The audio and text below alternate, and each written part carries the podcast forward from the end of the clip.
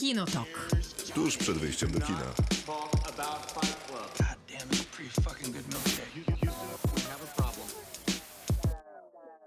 Krzysztof Majewski, Miłosława Bożek. Maciej Stasierski? a to jest Kinotok, który będzie trwał dwie godziny na antenie Radia Ram, a jutro pojawi się jako podcast wszędzie tam, gdzie słuchacie podcastów, między innymi na Spotify'u, a tam zawsze jest nam miło, kiedy zobaczymy, że subskrybentów jest więcej. Subskrybuje się w sposób banalny. Wystarczy kliknąć obserwuję na Spotify'u i już, Ja zrobione. bym jeszcze dodała, że można zaprosić kogoś, żeby też to zrobił.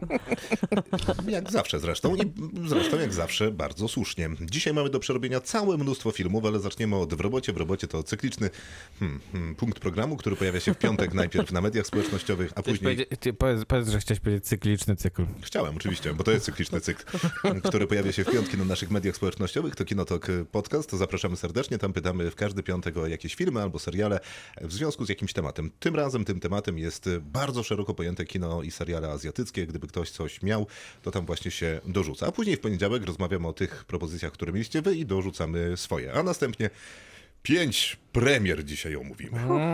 Ale trzy Cisza. indywidualnie na szczęście. Tak, to trochę ułatwia, bo nie dalibyśmy rady wszystkiego przerobić razem, więc razem zaczniemy od filmu, który nazywa się Sweat Magnusa A nie, zaczniemy Nie, od zaczniemy Minari. od Minari. No Jak dobra. zwykle, żeby połączyć to świetnie z naszym w robocie o Tak azjatyckich jest. filmach. To prawda. Tak zupełnie, Więc zupełnie zaczniemy. nietypowo.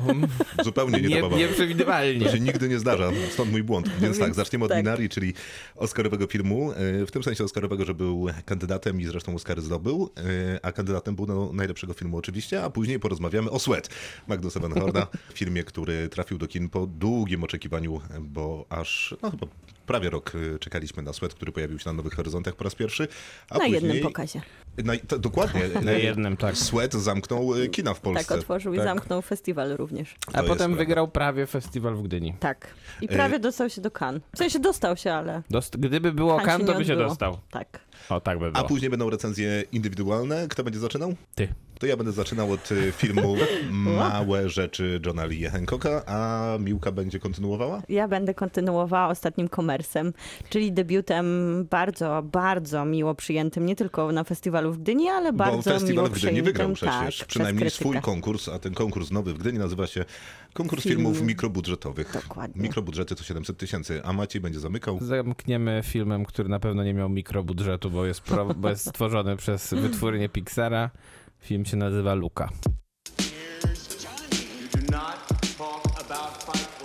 Kinotok. Film. A nasze filmowe przygody na antenie Radia Ram zaczynamy od spotkania z kinem e, bardzo szeroko pojętym e, azjatyckim. E, Jak zawsze zaczynamy od waszych propozycji. Woj- Nie, jak zawsze zapy- zaczynam od Nie, nie, nie, pytania. nie, nie, absolutnie. W drugim Dobrze. wejściu zaczynamy od tego Dobrze. pytania. Tym razem się nie mylę. Wojtek od razu proponuje nam zagadkę. Cały kontynent w jednym podcaście. To ja tylko dorzucę ze swojej strony kamyczek do ogródka, bo jak traktować takie filmy jak Kłamstewko, Nomadland, Slumdog, czy nawet bajecznie Bogaci Azjaci, jako kino azjatyckie czy amerykańskie? No odpowiedź jest chyba prosta, że jako amerykańskie, ale stworzone Ale przez, e, przez Azjatów. Azjatów. No i tyle. Brawo. Dziękujemy. Ale kontynuując, y, to jeszcze dodamy, że to same dobre filmy, bo i, filmy, bo i Kłamstewko dobre, Nomadland, no, w zasadzie też, Slumdog można różnie podchodzić, bajecznie bogaci Azjaci, naprawdę, na pewno wielki hit kasowy, a poza tym to jest niezły film. Tak. Tak. Fajnie. Monika, kie- kiedyś zachwycałam się filmem. Chociaż ten pan, który gra główną rolę jest strasznym drewnem. To prawda, ale nie przeszkadzał mi w bajecznie bogatych Azjatach, ale później go gdzieś widziałem, to już było bardzo niedobre. On Więc jeszcze grał w tym, w Gentlemanach. Właśnie. I tam był fatalny. Poczekaj, w jakich dżentelmenach? Gaja Ricciego? No tak. No, Kogo? on grał tam Wilena. A, no przecież. No nie, to nie było udane. To był fatalny, No, tak, tak. To na pewno jest on? Monika pisze tak. Kiedyś zachwycałem się filmami Naga Wyspa i Pożegnania. Dawno nie oglądałam, ale utrzymuję zachwyt. Inne tytuły, m.in. Panda i Magiczny Biały Wąż, Wąż Wolf's Rain, Lady Oscar, Czarodziejka z Księżyca, Fushugi Yugi, Sandy Bell, Candy Candy, poza tym Kurosawa i To Godzilla. było jakieś porno? Przepraszam, to, to, to końcówka? No. Hentai już bardziej. Okej, Candy Candy faktycznie może nasuwać skojarzenia erotyczne. Natomiast... No- Wolf's Rain, bardzo, bardzo piękna serial animowany, bo tutaj widzę, że bardzo też dużo się animacji pojawiło w głosach naszych słuchaczy. To w zasadzie są same animacje, bo tyle sprawdziłem. Ja y, ko- kojarzyłem Czarodziejkę z Księżyca zaledwie. No, no to I bardzo ja dobrze, teraz również. mogłeś wrócić do niej po latach. Nie, no już wyszło? No Tak, okej, tak, jest oczywiście, na czeka na Netflixie. Na Niemożliwe, ciebie. przegapiłem to wielkie Ponad wydarzenie. 3 godziny. Ile? Ponad trzy A godziny. poczekaj, a to obejrzałeś, jak się bawiłaś? Ja jeszcze nie widziałam. Też przegapiłaś to wielkie Nie, ja wydarzenie. go nie przegapiłam, ja jeszcze w nim nie partycypowałam. Ale... Przeciągasz tę przyjemność. Tak, dokładnie, tak, samo tak. biczuję się czasem. Po prostu mi uka- za gorąco było, żeby ten siedzieć przed komputerem, tudzież dziękuję. kompu- telewizorem. Dlatego była e, w kinie. Rafał proponuje, no to jak seriale w grze, to Persona 5. Ja nie wiedziałem, że jest serial, wiem, że jest taka gra. Ja się nie wypowiadam na ten... Ja w ogóle tak zaproponowałem ten temat, a potem sobie pomyślałem, że nic nie wiem o kinie azjatyckim, więc to był duży błąd. Tak, to mógł być e, pewien błąd. Natomiast na przyszłość wszystkich słuchaczy, którzy biorą udział w robocie, bardzo prosimy nie zakładać, że znamy wszystkie filmy. Nie, nie, absolutnie nie. Bardzo będziemy wdzięczni za krótkie uzasadnienia tych filmów, o co w nich chodzi. No wiecie, jedno No zdanie. chyba, że to jest takie oczywiste jednak. Chyba, że to jest tak jak na- Tak, tak. Matrixa, Titanica nie tłumaczymy, te Tak, widzieliśmy. tak, tak. Chyba, że to jest jak niebawem głos, który przeczytasz, który wymienia praktycznie cały dorobek taki bardziej znany kina azjatyckiego. I- Dziękujemy za ten głos. Bardzo dziękujemy, natomiast nie zostanie odczytany, bo zabierze nam wszystkie filmy. Dokładnie, dziękuję, brawo, brawo. Ale pozdrawiamy, brawo. bo to jest bardzo dobry głos. Kawał, tak, proszę Wszystko zajrzeć. się zgadza Proszę tam. zajrzeć na Facebooka, jest tam. Rafał pisze tak. Zainspirowaliśmy się tym głosem. Y, Autorem jest Jakub. Ale Rafał pisze tak. Polecę klasykę, ale to, tę nieco nowszą. Parasite służąca Oldboy, Jak ojciec i syn. Na Netflixie można obejrzeć nieco mniej znany i doceniony i równie ciekawy San z Tajwanu. Michał z filmów Wejście Smoka, Dzieci Trójady, Raid pierwszy i drugi, Oldboy służąca, Spragnienie Miłości, Parasite i oczywiście horrory. Ring, Klątwa, Darkwater, seriale azjatyckie dopiero odkrywam. Widziałem dwa. Folklore i Klątwa Juho. Ciekawe, więc y, na pewno sięgnę po więcej. Sylwester z Japonii to kino Kurosawy, Ozu, Kobayashiego z buntem i harakiri na czele. Poza tym pożegnania, Kanako w Krainie Czarów, Audition, Hanabi, Jednym Cięciem, Kuracja, Puls, Tetsuo, Złodziejaszki, Grobowiec Świetlików, Battle Royale, Akira, Papryka, Ghost in the Shell, Chiny i tak dalej, i tak dalej. To jest właśnie ten tytułów. głos, To nie jest który ten miałeś głos? Tak, bo jest jeszcze. Aha, to nie czytam dalej, bo jest jeszcze drugi taki tłumaczący rzeczywistość, jakby- jakby do, dosyć dogłębnie. Jacek z kolei, kilka moich tytułów już wyżej wymieniono, do tego dorzucam Rickshaja. Po premierze długo chodziłem, dochodziłem do siebie, no i Creep, Radiohead brzmi tam wspaniale. Wspomnę jeszcze o zawieście czerwone latarnie i zapachu zielonej papai. To wrócę do Jakuba w takim wypadku, którego Jednak. ja myślałem, że mam nie czytać. On- On poleca z krótkimi uzasadnieniami, między innymi Tron we krwi, czy Lament, czy Kurację, czy Perfect Blue. Te opisy są długie, za nie dziękujemy, to nas pozwala, pozwala nam osiąść trochę A w tytuły są rzeczywistości. akurat znane, więc... Tak, ale tytuły są znane, a uzasadnienia dobre i Jakubie piękne dzięki za ten głos, bo głosy Powinniśmy są rozdawać w końcu jakieś koszulki albo coś takiego. Swoje. E, tak, bo to na razie jedyne, które moglibyśmy rozdać, bo nie mamy koszulek e, Maciek, jak się tego programu. to... Ale co, do prania, tak? Nie, przepraszam. E, dobrze. E, czyli teraz przechodzimy do naszych, tak? Tak, Kinotok. Film. Mam poważne podejrzenia, że kino azjatyckie w waszych życiach musiało pełnić ważną rolę. Maciej, w którym Zupełnie- momencie to zupełnie kino nie. azjatyckie cię rozkochało i... Chyba, chyba jak... Chyba od początku mojego współuczestniczenia w Nowych Horyzontach dopiero. Czyli... Nie tak dopiero, to już jest Czyli tak dobrych festiwal. parę lat temu. Ale też nie jakoś tak dużo dawniej. Bo, bo czy ty I, I uczestniczysz... głównie poznaję, I głównie poznaję to kino też w trakcie kolejnych edycji tego festiwalu. Jakoś, jakoś nie wiem. Problem jest taki, że polscy dystrybutorzy nie są jakoś tak bardzo skorzy, żeby prezentować kino azjatyckie poza takimi tytułami, które podpisują, nie wiem, Park Chan-wook albo Bong Joon-ho. To nie jest tak, że, że wszystkie filmy Hirokazu Koredy wpadają do polskich kin, no, No, chyba, że dostają. Złotą Palmę. No ale czekaj, no, na Nowych Horyzontach jesteś od początku w- we Wrocławiu? No jestem od siódmego roku, 2007, czyli na drugim chyba festiwalu wrocławskim. Okej. I No i trochę chętnie tych filmów- wybierasz to kino azjatyckie w W sensie, repertuarze? w sensie poznałem już paru twórców i tych twórców wybieram chętnie. Okej, I myślę, że na tym będą polegały też moje rekomendacje dzisiaj. zrozumiałe. Mm. Miłka, kino azjatyckie, ja wiem, że to jest jedno z twoich ulubionych. Tak, ja kocham kino azjatyckie. Wiadomo. Ja oglądałam też dużo magii i anime.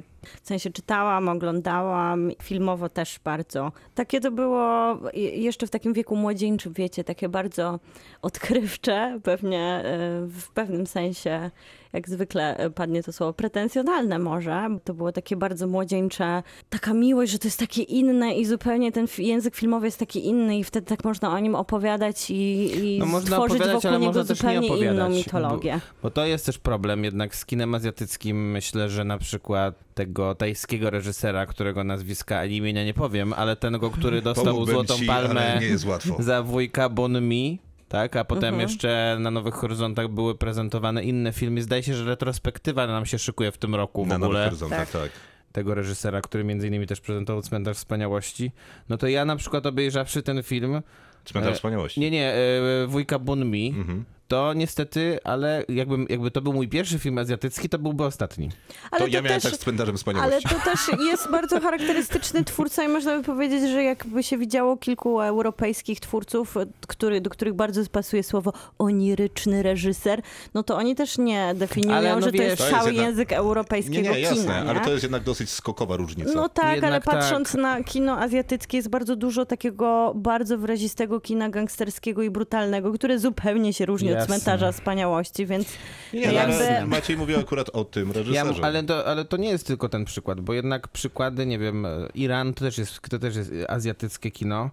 Irańskie kino z kolei w pewnym sensie może odpychać tym, w jaki sposób pokazuje, nie wiem, strukturę społeczeństwa, która jest zupełnie dla nas nieznana i w pewnym sensie też to kino irańskie nie zawsze e, ją stara się mm, Tłumaczyć. tłumaczyć Tak. czy, czy usprawiedliwiać. No ale właśnie może to jest ta kwestia, która mnie tak podniecała i chyba dalej mnie podnieca, że no, kino azjatyckie, szeroko pojęte, po prostu pokazuje zupełnie inną rzeczywistość i zupełnie inny świat i też operuje zupełnie innym językiem, jak rozmawialiśmy na przykład przy okazji tych blockbusterów, które się pojawiły tezę, na Netflixie. Czeskie kino nawet stawia. No, ale czeskie i europejskie i w ogóle nawet amerykańskie ma nawet to zbliżone poczucie humoru, którego nie ma na pewno azjatyckie, bo ono już operuje zupełnie innym podejściem, na przykład właśnie w Ale- kwestiach no tak, ale to humorystycznych. z reguły nie zrozumiałem poczucie No tak, no bo humoru. jak oglądaliśmy na przykład Space Sweepers, no No to nikt, nikt się nie śmiał u nas. A na, A na a na pewno- magnezji się śmiałeś?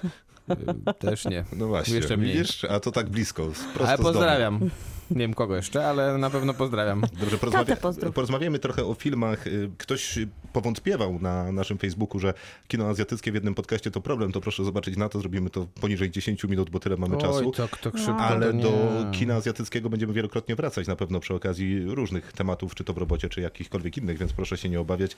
Nie zakładamy, że powiemy wszystko na temat kina azjatyckiego, co byśmy chcieli. Nie, nie, oczywiście. E, albo co w ogóle warto. Ja sobie pozwolę zacząć od e, Proszę. Takiego właśnie dziesiątki reżyserów, których warto e, obserwować, śledzić i szukać w repertuarach festiwali, bo to chyba wygodne. Czyli właśnie Bong Joon-ho z Korei, Park Chan-wook też z Korei, Kim Ki-duk też z Korei, Hirokazu Koreda z Japonii, Naomi Kawase z Japonii, Hayao Miyazaki z Japonii, Wong Kar-wai z Hongkongu, Lav Diaz z Filipin, co jest doświadczeniem jednorazowym w moim wypadku, okej, dwukrotnym, ale... Moim zerorazowym. ale wydaje mi się, że może być jednorazowym i Hu Hsien z Tajwanu. To myślę, że to jest taka dyszka, która, którą jeszcze- warto obserwować. To ja jeszcze dopiszę jedno Mhm. nazwisko. Hong Sang-soo, czyli No sorry, reżyser, reżyser koreański, który... To jest film, który sobie zapisałem na samym, na samym czubie mojej listy. Film, który absolutnie mnie zaskoczył tym, że byłem w stanie poczuć tego typu kino, chociaż z drugiej strony wydawało mi się, że będzie ono dla mnie bardzo odległe, bo ci ludzie po prostu rozmawiają, piją, ale rozmawiają o strasznie poważnych rzeczach w sposób bardzo niepoważny. A film się nazywa Samotnie na plaży pod wieczór. Jest to jeden z najlepszych filmów, jakie obejrzałem naprawdę na z mojej całej historii w udziału w Nowych Horyzontach. Dlatego tak bardzo czekam na tegoroczny festiwal, bo aż dwa filmy Honga Sang-soo będą prezentowane w tym roku. Obydwa nagrodzone w Berlinie, jeden nagrodzony rok temu za reżyserię, a w tym roku za scenariusz, więc myślę, że Będzie. będzie co Dokładam oglądać. się, że cudowny reżyser. Ja bym dorzuciła z- Siona Sono, którego można oglądać teraz na festiwalu Pięciu Smaków, w sensie nie, na VOD w domu Pięć Smaków. E, Oni tam pomyśleli o tym, żeby tworzyć taką stałą bibliotekę, ale też robić cykliczne pokazy i dedykować je o albo twórcom, albo konkretnym falom kina azjatyckiego. Sion Sono do 7 lipca jeszcze do zobaczenia. Tych filmów oczywiście z jego twórczości jest tam selekcja no, ograniczona, więc mamy chyba 6 albo 7 tytułów. Jest to twórca, no, jest to twórca niesamowity, sa, japoński twórca, który zaczynał, to jest taki człowiek orkiestra, poeta, artysta, malarz, muzyk, wszystko. O, oczywiście, że geniusz. I też bardzo... To, to nawet nie trzeba było tego dodawać. Bardzo charakterystyczne kino robi, które się nazywa Erotic Grotesque Nonsense albo Eru Guro inaczej. Jest to kino, które wydawałoby się, że wymaga jakiegoś takiego szczególnego wejścia w ten język, którym ono operuje, który jest taką pulpą, e, takim mashupem po prostu tego, co się dzieje w popkulturze i w Japonii, ale też w Stanach Zjednoczonych. On korzysta z całego dorobku kina i można zobaczyć Czekaj, to już miłość... było na Festiwalu Pięciu Smaków. To było na walentynkach Na Miłość walentynkach. Obnażona, Właśnie. tak. I to jest doświadczenie cztero ponadgodzinne, które chyba dobrą jest to opcją, że możemy je zobaczyć w domu, bo możemy sobie ten czas z Miłością Obnażoną zaplanować i jest to fantastyczne widowisko. To jest po prostu taka jazda bez trzymanki, mówiąc kolokwialnie. Tam się dzieje wszystko. Podobnie jest we wszystkich jego filmach i trochę on opowiada przez taki komiksowy język, e, też mocno erotyczny często, o bardzo poważnych problemach Japończyków. I dlatego nie jest szczególnie lubiany w Japonii. Przez widzów różnie, bo oczywiście oni mogą wybierać, e, jak... em, Każdy kraj zasługuje na swojego Oczywiście. Ulrisza Zajdla. Jest też inny twórca, Takeshi Kitano, który również O, nie jest e, lubiany. No ale wrócenie, wr- powracanie do jego filmów jest wspaniałe. I on też jest, ale on dalej jest postacią i na świecie, i w Japonii, chociaż tam bardziej telewizyjną. I on taki trochę zawsze był prześmiewany przez swój kraj. Właśnie chyba za poczucie z dystansu i takiego humoru, który no zadziwiająco dla nas też rezonuje. Bo jak się ogląda Takeshiego Kitano, czy jako aktora, który jest bardzo charakterystyczny w swoich rolach, czy jako reżysera, to nawet jak on Czy mówi innym językiem... w aktorskiej wersji Ghost in the Shell?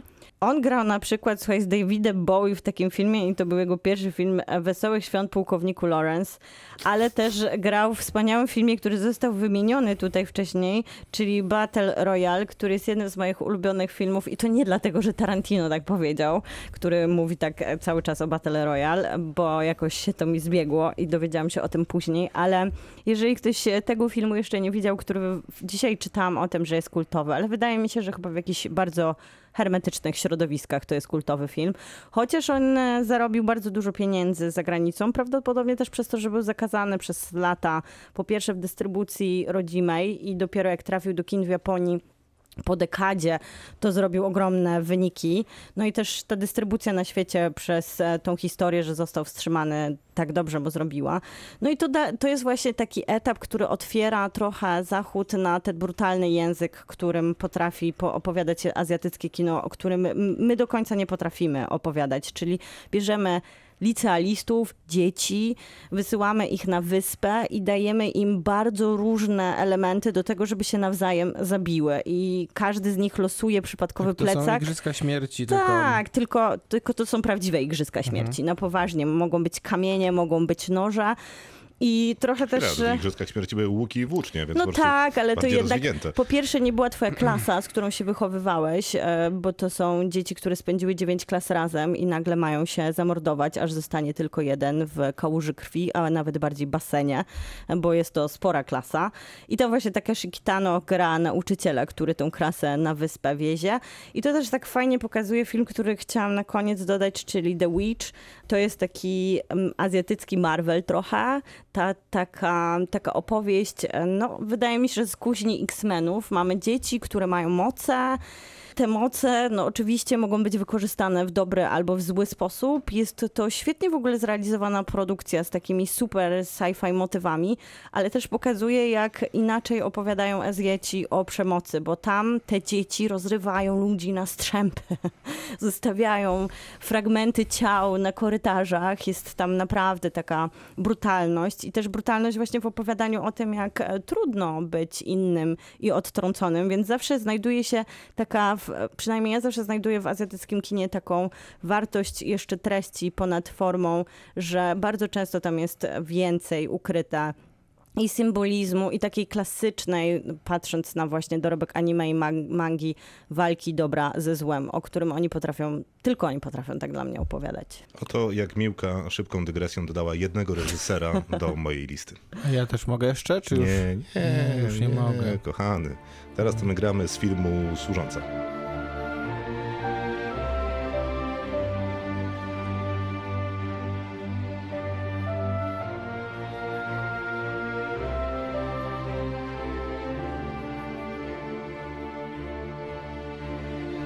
Azja długa i szeroka i wielka jako kontynent. Maciej, y, dorzuć jeszcze te swoje parę słów. Dorzucę, czyli tak, e, to tutaj nawiążę do tego, co już mówiłeś. Mhm. e, Czyli na pewno Hirokazu Koreda, to jest pan, którego poznaliśmy chyba wszyscy na festiwalu też Nowe Horyzonty. To prawda, chociaż jego ostatni film też chyba nie byliśmy nawet na nim razem i spo, No jego spor- ostatni film nie zawód. był najlepszy, bo nie był, bo nie był azjatycki. Może dlatego. Może dlatego. No właśnie, Natomiast- był taki, trudno powiedzieć, czy to amerykańsko-francuski, nie, francusko i był chyba w ogóle Tak, no z pochodzenia. z, z Juliette Binoche i z Catherine Deneuve. I To już sumie- sprawia, że jest francuski, nawet jak go produkowali w Niemczech. Dokładnie, dokładnie tak. Bo mówili chyba po angielsku? Mówili po angielsku, no. Bo jeszcze tam był Ethan Hawke. No, no to musieli. Co Oj, to to za ta- film? No, y, prawda. Ale może dobrze. Nie, tak? nie, nie, ma, nie, Nie- nie, ma potrzeby nie nadrabiania. Nie był on jakiś za bardzo prawdziwy. Ogród ładny był w tym No. domu. Tak, tak. Dom też chyba nie brzydki całkiem, ale tak. Za duży, kto by to e, sprzątał. Jak Ojciec i Syn, to jest pierwszy film, który jego obejrzałem i jest to film wspaniały i zresztą o tym chyba filmie ktoś pisał. Pisał. Y, potem Moja młodsza siostra. Wspaniały film. Wspaniały film. No Też i, leciał na Nowych i jeden z Horyzontach. najlepszych I nie, pewnie... jest, I nie jest to film Lynchantą. Nie, nie. Nie. I, no i Złodziejaszki, film, za który Koreda w końcu dostał Złotą Palmę w Cannes. Myślę, że nie, Wspaniały film. W Myślę, jeżeli że, ktoś myślę, że nie za najlepszy swój film, Ale paradoksalnie, spokój. Jeżeli, Paradoksalnie ale tak. wyśmienity film. jeżeli ktoś by chciał zacząć tę, nie wiem, przygodę, Przygodę. z kinem azjatyckim, to Złodziejaszki dlaczego są nie naprawdę z tym świetne. filmem? Tak, dokładnie. Albo Parasite też jest doskonały początek. No tylko, że zupełnie jakby inny styl, bo jednak... e, Bo ko- Oldboy. bo Bong Joon-ho robi jednak kino e, bardzo mocno sięgające po gatunek. Hirokazu Koreda robi kino Społeczno, bardzo obyczajowe. takie obyczajowe, ale wydaje się, że czasem na granicy takiego infantylizmu, ale z Ale drugiej się strony zawsze wymyka. zawsze właśnie Zawsze. udaje mu się wybronić. Nawet ten temat, który w tym filmie jak Ojciec i Syn, ten temat jest bardzo trudny do takiego wiarygodnego przedstawienia. Mhm. A to był dla mnie taki dewastujący niemalże Ale to chyba właśnie seans. jest jego siła, że on potrafi uniknąć takich kliszy, które gdzieś się czają zawsze za takimi Tak. i z jakąś Ale taką niesamowitą delikatnością sobie- opowiadać o tym. Świadomie sobie też ten temat wybiera. Nie widocznie Oczywiście, się że dobrze tak. No w nich tak, czuje, tak, więc... tak. Myślę, że jedno nazwisko jeszcze trzeba przytoczyć. Może Mhm. nie za jakieś. W sumie chyba nie za. Na pewno nie za ostatnie trzy jego filmy, Okej. ale za jeden chociaż. Uwaga. Film się nazywa Rozstanie. Reżyser się nazywa Asghar Faradi. I co by film. nie powiedzieć o tym, że generalnie ostatnio kręci jeden film, od dobrej dekady kręci ten sam film. Znaczy od I rozstania. kręci coraz ten gorzej ten film mu wychodzi, bo potem była przeszłość. film. Klient to był wcześniej, klient, nie? czyli Klient był salesman, klient, Nie, czyli później, sprzedawca i na końcu ten film z Penelope Cruz i mm, z Javierem Bardemem Everybody's Fine. Nie widziałem. Lepsze? Wszystkie te filmy są dokładnie takie same, tylko że Rozstanie jest filmem absolutnie wybitnym. No tak, to prawda. Y, i Jakieś szybkie adwocem, że tę Azję, jak przypominam, rozumiemy bardzo szeroko, więc gdyby wkradły No, się filmy z. Australii, to jest to też e, akceptowalne w gruncie rzeczy. Mówiłeś o Naomi Kałaze, więc tutaj ja jeden tytuł przynajmniej przytoczę, taki chyba najbardziej znany też w Polsce, szczególnie w ostatnich latach. Film się nazywa Kwiat Wiśni i Czerwona Fasola, naprawdę O, piękne no kino. Krzysztof je w tematyce tego filmu i zawsze opowiada, jak znajdzie coś e, tematycznego z jedzeniem, Chcia- jest... Tak, y, chciałbym zaznaczyć, że y, w domu czeka na mnie kilogram fasoli azuko, Myślałem, e, wiśni. która jest nadzieniem y, właśnie tym słodkich, czerwonej tak, fasoli. tych Ta czerwona fasola to chodzi o fasolę azuko. Polecam. Jest tania i naprawdę jest super. No, No i- no i widziałeś, jak zainspirowałeś chłopaka. No, brawo. Jeszcze dwa tytuły. To ja ci dorzucę tylko do tego jedzeniowego filmu jeszcze film, który co prawda jest jakiś chyba tam produkcji amerykańsko-chińskiej, nie, amerykańsko-indyjskiej i nazywa się Smak Kary. Nie, I jest to chyba doskonały film, jest to e, indyjski film po prostu. film. Nie, nie, nie. On Tak, jest tak, tak. z Nie? wątkiem amerykańskim. No dzisiaj no tak, to no. sprawdzałem. Ale to jest też azjatyckie kino. Jest to Tak, azjatyckie tak, kino. jak y, najbardziej. Bardzo szybka Bardzo historia. wzruszające. Człowiek, y, bo to opowiada o tych słynnych takich y, miseczka na miseczkę na miseczkę i składa się pięć boksach miseczek. lunchowych. I ten właśnie boks lunchowy jest dostarczany na rowerach pracy. Bo po angielsku lunchbox się ten film nazywa zresztą. Tak się nazywa, to prawda. I to jest w ogóle super ciekawe, bo ci ludzie, którzy jeżdżą na rowerach, metrem, gdzieś tam jeszcze przedzierają się przez miasto, nigdy się nie mylą, aż dochodzi do pomyłki i żona stara się odzyskać uczucia męża właśnie przez jedzenie, korzystając z przepisów jakichś tam babci i w ogóle najwspanialszych rzeczy. A bo to trzeba zaznaczyć, że ci kurierzy nie, ro, nie wożą tego często z restauracji, tylko wożą to domu, między, tak. tak, O, między tak. żoną a mężem na przykład do jego Tak, miejsca dokładnie. pracy. Dokładnie. No i ten facet rozkochuje się w tej kobiecie, która mu serwuje takie e, niewiarygodne jedzenia, komunikują się tylko karteczkami zamkniętymi e, w tym lunchboxie. No przeuroczy film, a poza tym się można Tak. zaślinić. To tak na antypodach tego, bo to nie jest uroczy film w ogóle, natomiast film wyśmienity, uważam, że bardzo taki dogłębnie dotykający. Płomienie Super. Chang-donga, film, y, za który film, w którym jedną z głównych ról gra zresztą Steven Yeun, ten, który też gra główną rolę w Minari, o którym za chwilę będziemy gadać. Tak. No, jest to takie, taki thriller w, powiedziałbym, w konwencji slow i naprawdę jest to kino bardzo mocne. Ale to jest też taki film, Ja który jakoś otwiera... się Nie, nie- nie Mi się, mi bardzo, No, nie wiem bardzo dlaczego. mi się podobało, ale wydaje mi się, że to jest też taki film, który otworzył w, w Polsce bardziej widownię na kino azjatyckie, bo on się pojawił w szerszej dy, dystrybucji No, i przez ten element thrillera, który się Stanach pojawił. Tak, tak. Tak, tylko że problem jest taki, że tego thrillera tam trzeba dosyć mocno szukać. No, oczywiście. E, e, U, ale natomiast jestem. Nie, nie jestem. natomiast No, mi ale- się wydaje, że jednak jest ono do znalezienia. Ale to jest właśnie chyba taka Przy siła... wystarczającej dozie dobrych chęci. Tak. To jest właśnie ta siła kina azjatyckiego, że potrafi się tak świetnie bawić gatunkiem w jakimś takim niekonwencjonalnym Niekoniecznie- niekoniecznie bawić widza. Czasem m- To potrafi różnie się... wypada. To, Czasem to źle bawi się gatunkiem, bo wielokrotnie, nawet no jeszcze, że po raz kolejny nawiążę do Nowych Horyzontów, wielokrotnie próbowałem też azjatyckiego thrillera czy azjatyckiego horroru.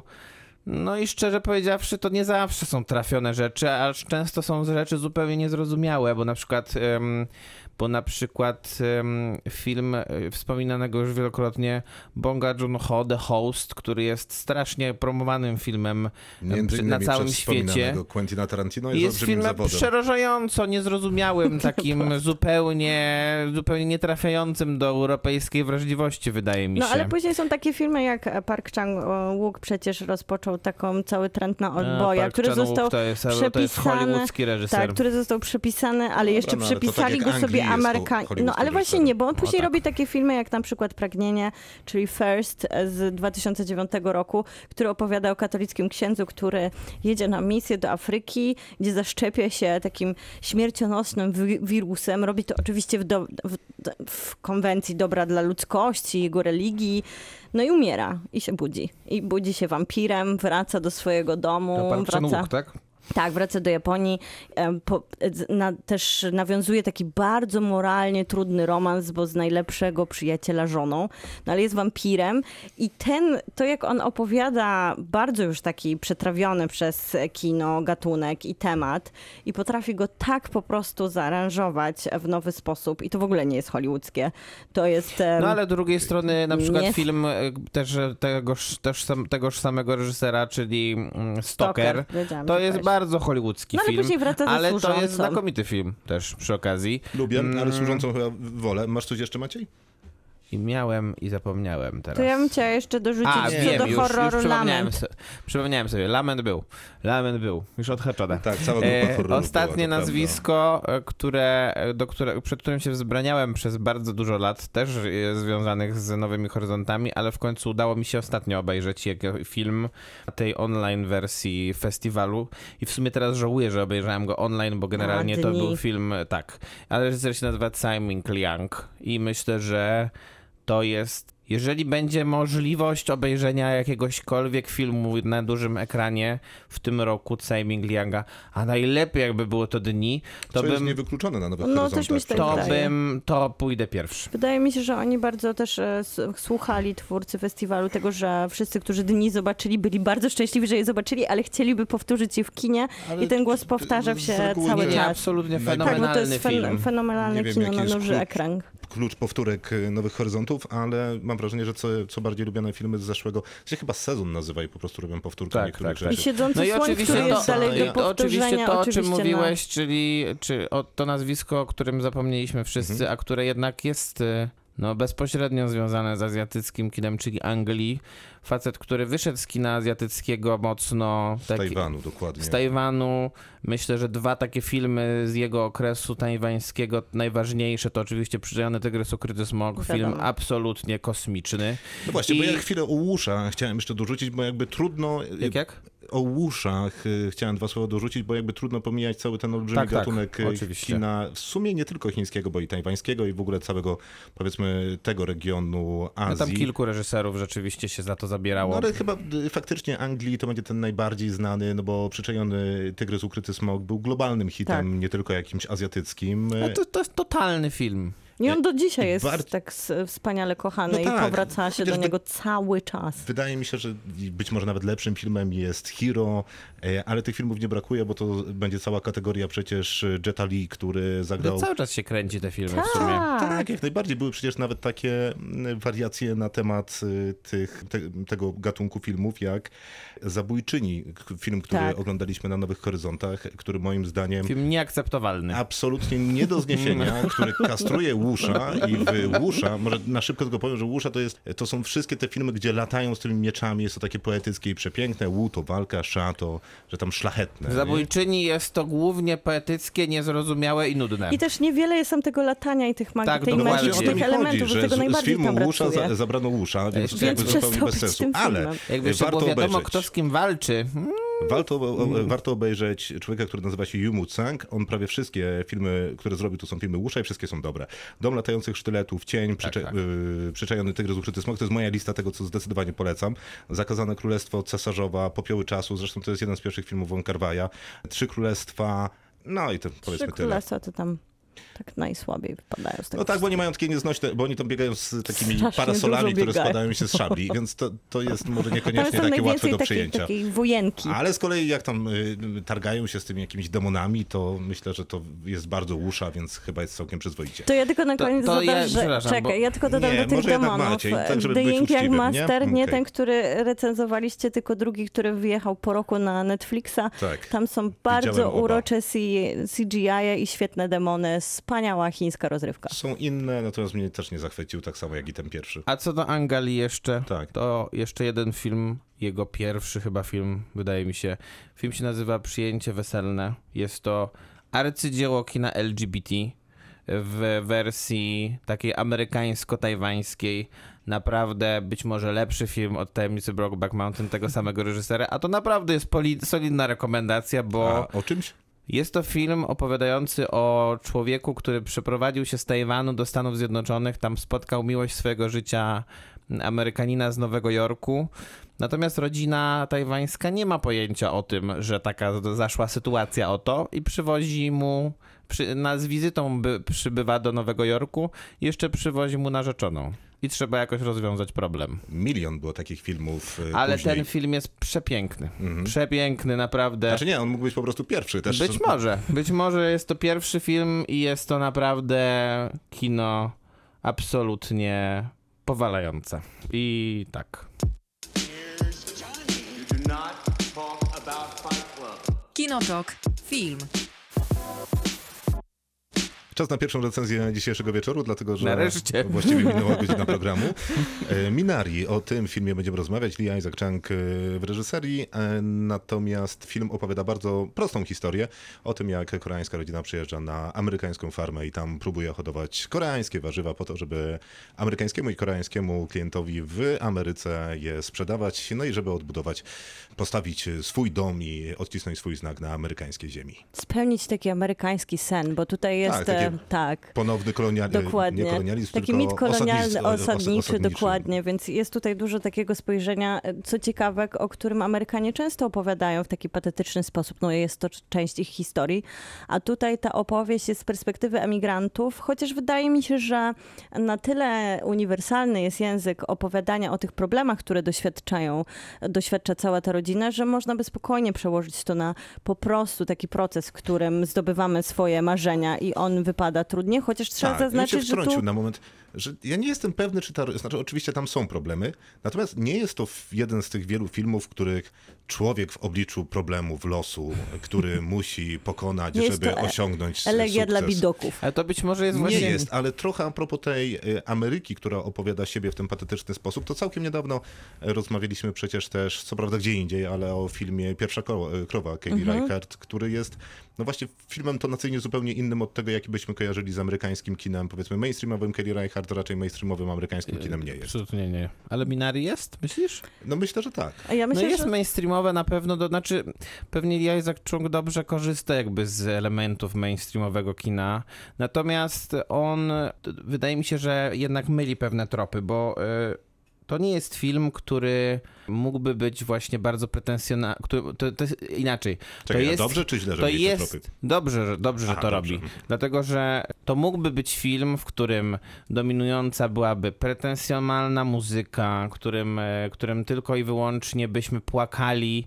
i tak naprawdę nie wiedzielibyśmy, dlaczego płaczemy. Trochę taki właśnie film, jakim chciała być choćby ta elegia dla bidoków Rona Howarda. Ale nawet to nie wyszło. E, Dokładnie, a tutaj jest, e, jest, jest na tyle subtelności w tym sposobie opowiadania, że e, jakby wchodzimy w, w realny świat, bo to też nie jest świat z jakiejś, z jakiejś bajki, tylko rzeczywiście dostajemy prawdziwy obraz rodziny, która ma, która ma kryzysy, która jest w konfliktach wewnętrznych, e, natomiast która w pewnym sensie jednak próbuje jakoś walczyć o swoje, bo i realizować amerykański sen, który, który jest tylko i wyłącznie Tak. mitem. Dokładnie. Mm, No i y, ja pamiętam, że jak ja wyszedłem z tego filmu, a obejrzałem go jeszcze przed Oscarami, to tak sobie pomyślałem, że amerykańskie kino chyba się zmienia pod tym względem, że prezentuje nam ostatnio filmy bez łatwych happy endów i tutaj też takiego łatwego happy endu nie ma.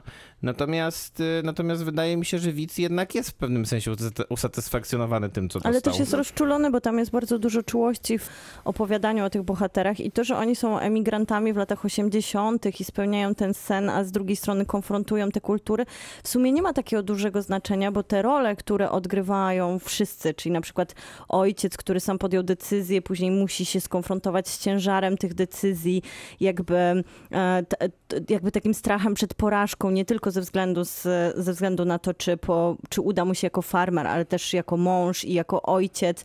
Później ta żona, która zostaje postawiona w takiej sytuacji bez wyboru, sfrustrowana, która też musi dokonywać, to są takie, oczywiście są te dzieci, te, te, ta perspektywa dziecka tylko to podbija taką bardzo, bardzo tors, taką sytuację, w której myślę, że większość z widzów może się utożsamiać z tymi bohaterami, może rozumieć te problemy, może widzieć to, że to są takie, takie problemy, które generuje bycie w rodzinie, zwłaszcza bliskiej, w której się, w której ta bliskość jakby też wymaga pewnego impaktu emocjonalnego, który my ciągle oglądamy. I tutaj jest jeszcze świetny zabieg z wprowadzeniem babci, która się pojawia, jest takim coming reliefem dla całej sytuacji napięć, które są no przez to faktycznie, że może są te kulturowe różnice.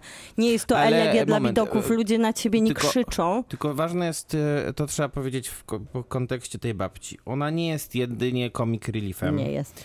On, bo, bo tak to można byłoby ją postawić jako element scenografii i po prostu kazać jej strzelać one-linerami. Tylko może ona... dodam, że comic relief to jest ten moment, w którym w filmie się uśmiechamy, jak było przed momentem ciężej. Dokładnie. A ona też powoduje te trudne sytuacje. Dokładnie. Ona jednak jest takim elementem właściwie emocjonalnie spajającym całą rodzinę. Co, co, co wydaje się na początku przynajmniej od momentu jej pojawienia absolutnie niemożliwe do zrealizowania, bo ona, bo ona wręcz inicjuje konflikty. Ale potem się okazuje, że to, że to tak naprawdę ona ma najlepsze pomysły być może. ona też- I ona wie... Słuchaj, jest gdzie- w stanie wziąć na klatę nawet takie rzeczy jak zwyzwanie czy pytanie, żeby jednak tę rodzinę jakoś tak unormalizować. I ona też- Emocjonalnie, no nie, że, Mhm. nie, że tam są jakieś dramaty. I ona I też grają- rozwija chyba tą perspektywę dziecka, bo tam jest bardzo dużo, e, oglądamy jakby też ten świat z oczami tego młodego chłopca, ale żeby to nie było takie idealistyczne i właśnie tak jak Maciek wcześniej mówiłeś, takie trochę jednak sprowadzenie tej historii do takiego pułapu, no pretensjonalności pewnej w opowiadaniu o takich rzeczach, to ona dodaje temu, na przykład pokazuje, że te, to dziecko się boi, o je, jakby ona jest starsza, wprowadza pewien taki naturalny rytm, który nie tylko jest taką idyllą, że można biegać po tej przyszłej farmie i obserwować, jak rodzice się kłócą. Jest jeszcze ta konfrontacja pokoleń, która się pojawia. Jest, e, jest śmierć, jest obcość, jest właśnie ten oddech Korei, jak sam, jak sam e, mówił reżyser o tym. No ale to jest ciekawe, bo to jest, y, fi- dla mnie to było ciekawe i w gruncie rzeczy dosyć odświeżające, że to jest film o imigrantach, którzy przyjeżdżają do Stanów Zjednoczonych, a to nie jest film o rasizmie, jakby można było się spodziewać w ostatnich latach. Na że skoro, szczęście. No właśnie, przyjeżdżają ludzie spoza danego kraju, do danego kraju, w tym wypadku Koreańczycy do Ameryki, to nie jest film o tym, jak oni sobie radzą z rasizmem, tylko to jest film o tym, jak Nie oni sobie... spotykają ich żadne właśnie Nie, nie. Jest represje tam, tego jest tam tylko- ten żarcik na przykład, ale on jest tak... Ja bym go nie nazwał rasizmem mimo wszystko, tylko radzą sobie z tym, jak y, radzą sobie z życiem, a nie z No, rasizmem. ale radzą sobie właściwie jako. Ame- Jak Amerykanie muszą sobie radzić tak naprawdę. Znaczy, tak? ja, wiesz co, oni wychodzą chyba nawet z trochę lepszej y, pozycji, bo to jednak Amerykanie Bo dla chcą się nich... odróżnić e, trochę. No być może, to, to jest inny trochę wątek, ale chodzi mi o to, że jakby Amerykanie dla nich pracuje Tak. e, i y, tytułuje głównego bohatera albo Mr. Jacob, albo Mr. Yi. Czy możemy coś tam zrobić, czy nie, a Mr. Jacob łaskawie powie good job, good job. Mhm. I to jest bardzo odświeżające w tym filmie, bo powiedziałbym, że to jest tak, jeżeli chodzi o nastrój, to w zasadzie jest Green Book minus rasizm. Myślę, że to jest w ogóle takie super spojrzenie na doświadczenie migracyjne i ono nie zawsze musi być związane z kolorem skóry albo miejscem tak Pewnie kulturowo jest, odróż. ale Tak, ale Boga, zdarza się, zawsze. że czasami jest po prostu takim elementem, że przyjeżdżamy gdzieś do nowego środowiska i musimy się asymilować i to nie zawsze jest takim ugorem e, kultur, które się łączą ze sobą. I chyba dlatego też ten film jest uniwersalny. Poza tym, że mówi o rodzinnych wartościach, które są na tyle czułe, piękne i pełne miłości, jakiejś takiej, która nie, nie wiem, jest bardzo naturalna. A poza tym e, myślę, że tak trochę kończąc, to, to jest po prostu bardzo dobra robota, ten film. Naprawdę on, on dobrze, je- jego się bardzo dobrze ogląda. On, on bardzo dobrze wygląda. Przepraszam, czy możemy Jest jeszcze tylko powiedzieć, bo skoro już kończę, to ja nie mogę nie powiedzieć e, tym, którzy nie widzieli filmu i być może planują to tak zostawić. W tym filmie jest człowiek, który jest Polem, to jest właśnie ten pracownik, Mr. Jacoba. E, Grego Will Patton jest znakomity w tej roli i jego atrakcją niedzielną, tak jak cała rodzina Jacobów jedzie do kościoła po to, żeby się zasymilować trochę i poznać e, tam inne rodziny i dzieci miały się z kim bawić, to jak wracają, to regularnie spotykają Paula właśnie. A Tak. Paul ciągnie krzyż, taki, Tak, tak. taki jak Jezus ciągnął na Golgotę, jak- dokładnie tak, tej tak. samej wielkości.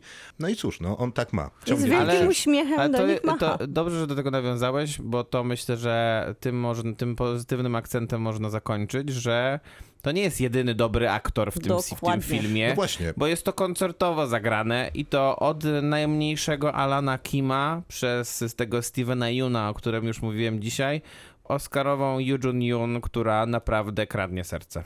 Wszyscy naprawdę, to jest przepiękna gra aktorska. Tak, to prawda. W dobrych plenerach, świetnie zrealizowana, wszystko, nawet to tempo można by było pomyśleć, że będzie takie sielankowe i wolne, chciałoby jak się, na żeby- farmie życia, Nie, no bo ale, jest. I chciałbym ale trochę... unika trochę tego, chciałbym jednak tej pułapki. Trochę więcej historii w tym filmie, bo on jest faktycznie dobrą opowieścią o rodzinie i relacjach y, w tej rodzinie, no ale historia jest taka, że nie mieli pola, później mieli pole, wyrosły warzywa i później je sprzedają. No Ja troszkę- wiem, że każdy film można tak zbanalizować, bo można o Powiedzieć, że to jest grupa ludzi, która rozbiła się o lód, ale, no, ale ten naprawdę nie, no, nie, nie, nie ma tutaj jakiejś mm, zawiłej fabuły. Niemniej wywołuje bardzo dużo dobrych emocji. Tak jest, Tak. jak najbardziej. I Będziemy oceniać, Maciej? Tak, ja wystawiam 8. Ja wystawiam 7. Ja wystawiam dziewięć. You do not talk about Fight Club. Kinotok. Film.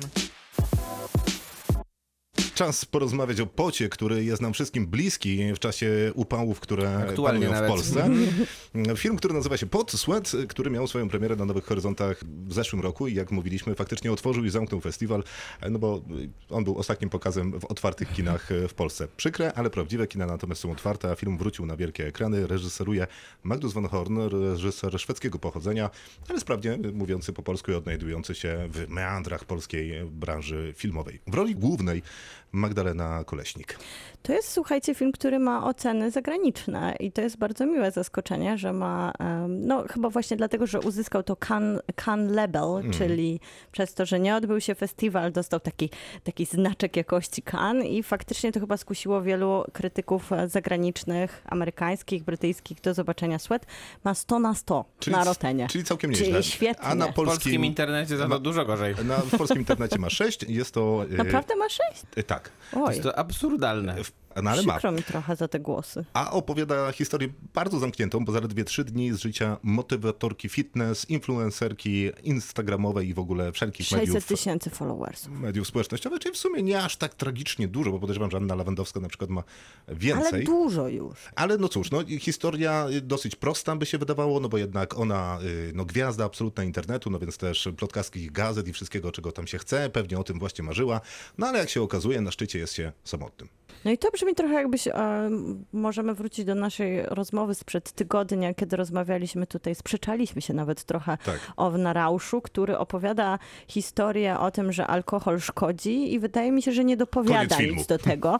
A e, tak się składa, że Sweat, który można by też do takiej oczywistości sprowadzić, że bycie sławnym Nie, nie, sekundę, ja teraz upraszczam, żeby jakoś pokrótce opowiedzieć, o czym mniej więcej ale ja opowiada. chcę tylko dodać właśnie pozytywy, że Sweat jakby unika tej pułapki, że no bycie sławnym równa się samotność, no bo jest to też albo nasze życie, które mamy, nie wygląda tak, jak to prezentujemy w internecie. Nie To- no, ale Sweat jednak opowiada o czymś zupełnie innym, wydaje No mi się. Bo właśnie. Sweat Właśnie. opowiada jednak No o właśnie. takim, e, o czymś, co jest, co jest dosyć według mnie, w, szczególnie w polskich warunkach, świeżą rzeczą. To znaczy o byciu zawodowym influencerem de facto.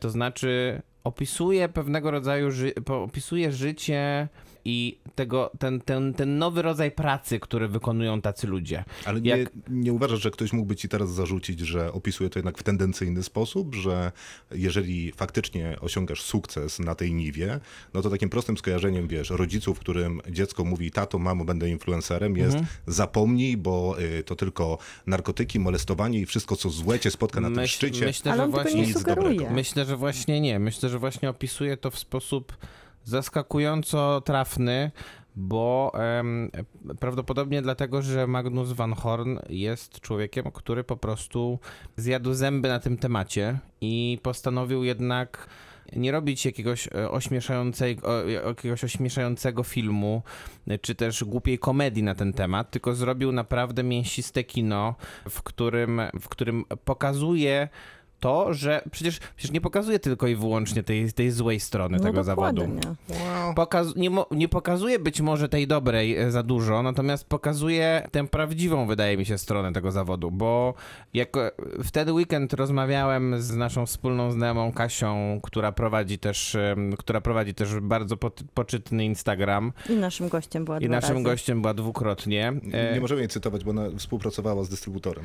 To prawda, natomiast, natomiast możemy zawsze, ona, ona być może, może ona w jakimś sensie pewnie ma podobne doświadczenia. Może nie aż tak drastyczne jak ta bohaterka tutaj, bo ta bohaterka ma rzeczywiście doświadczenia na granicy bardzo, no, właściwie nie na granicy, przekraczające granice kryminalne na, tak naprawdę.